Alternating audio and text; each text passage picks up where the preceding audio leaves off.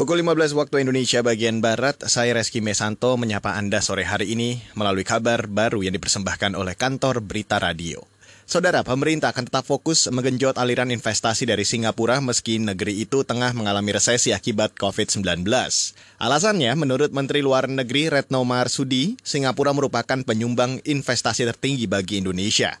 Kata dia, peningkatan investasi menjadi langkah penting bagi Indonesia agar mampu mempercepat pemulihan ekonomi nasional dari tekanan pandemi virus corona. Bahkan, Kementerian Luar Negeri dan Badan Koordinasi Penanaman Modal atau BKPM telah membentuk tim khusus untuk mempercepat realisasi investasi dan membantu calon investor asing. Sementara itu, Kepala BKPM Bahlil Lahadalia mengatakan bakal mempercepat layanan investasi bagi calon investor dan kerjasama antara investor dan pemerintah daerah sesuai lokasi proyek. Kita beralih ke informasi selanjutnya, sekira 90% anak buah kapal ABK Indonesia yang meninggal diberangkatkan dari perusahaan yang ada di Jawa Tengah.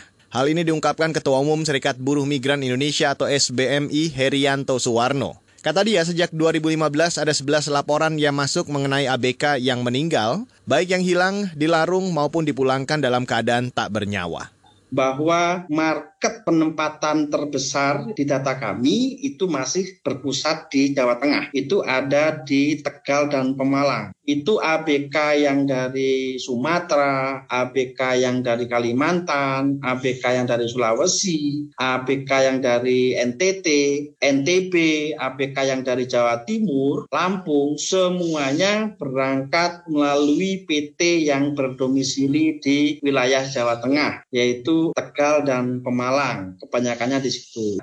Ketua Umum SBMI Haryanto Suwarno menambahkan mayoritas ABK meninggal karena praktik kekerasan yang terjadi di atas kapal.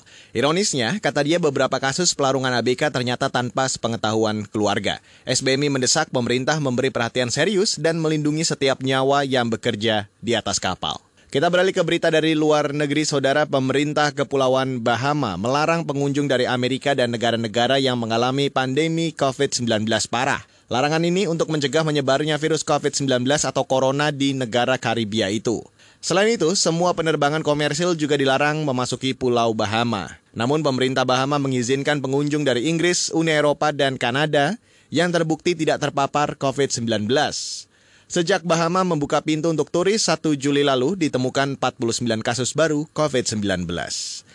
Demikian kabar baru KBR, saya Reski Mesanto.